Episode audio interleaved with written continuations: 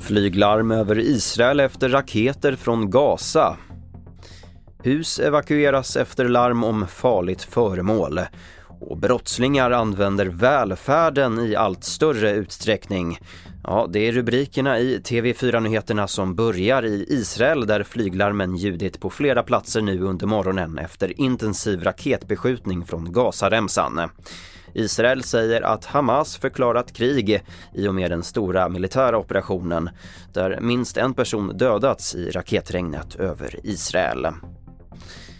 Flera boende i bostadsområdet runt småbåtshamnen i Västerås har evakuerats efter att polisen hittat vad som tros vara en skarpladdad handgranat utanför en port. Föremålet hittades bara några hundra meter från en adress där det tidigare under natten inträffat en skottlossning. Polisen kan ännu inte säga om händelserna har någon koppling och det finns vare sig misstänkta eller frihetsberövade. Magnus Jansson Klarin är presstalesperson, polisregion Mitt. Jag har väl anledning att tro att det här är en, en skarp handgranat men innan nationella bombskyddet har varit på plats så kan vi inte vara säkra. Så att vi, vi måste ta höjd för, för det värsta så att säga. Nordkorea har börjat skicka vapen till Ryssland, inte långt efter den nordkoreanske ledarens Kim Jong-Uns besök hos Putin.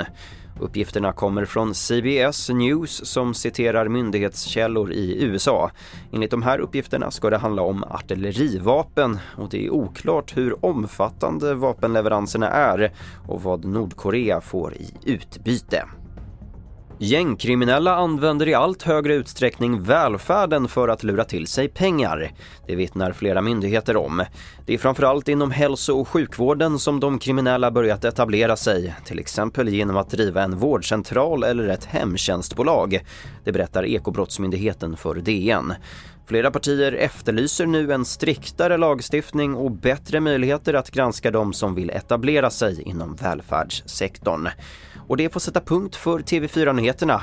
Fler nyheter på tv4.se och i vår nyhetsapp TV4 Nyheterna. Jag heter Albert Hjalmers.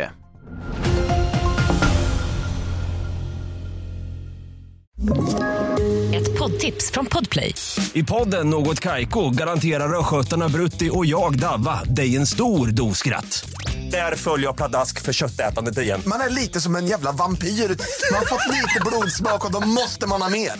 Udda spaningar, fängslande anekdoter och en och annan arg rant. Jag måste ha mitt kaffe på morgonen för annars är jag ingen trevlig människa. Då är du ingen trevlig människa, punkt. Något Kaiko, hör du på Podplay. Därför är gardinerna.